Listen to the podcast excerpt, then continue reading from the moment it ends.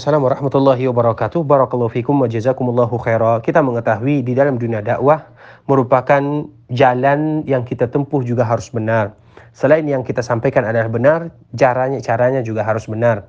Ketika kita ingin memposting kebaikan, cukuplah kita memposting kebaikan supaya tidak ada ribah, supaya tidak ada mencela, supaya tidak ada mencaci di antara kita.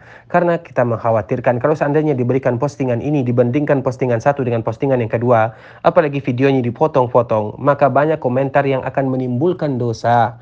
Betapa banyak mereka-mereka yang memberikan komentar tersebut yang hanya mengibah di antara para ustadz tersebut. Kalau seandainya dia melakukan perbuatan yang tidak sesuai dengan syariat Nabi Shallallahu Alaihi Wasallam, kita doakan mereka. Kita sebutkan bahwa itu bukan bukan merupakan perbuatan Nabi Shallallahu Alaihi Wasallam. Kita sebutkan itu di, di luar konsep yang diajarkan baginda Rasulullah Shallallahu Alaihi Wasallam tanpa harus menyebutkan orangnya. Karena yang kita sebutkan, karena yang kita dakwahkan adalah bagaimana mengajak manusia untuk melakukan sesuai dengan ajaran dan sunnah baginda Nabi Shallallahu Alaihi Wasallam bukan untuk mencela manusia yang lainnya.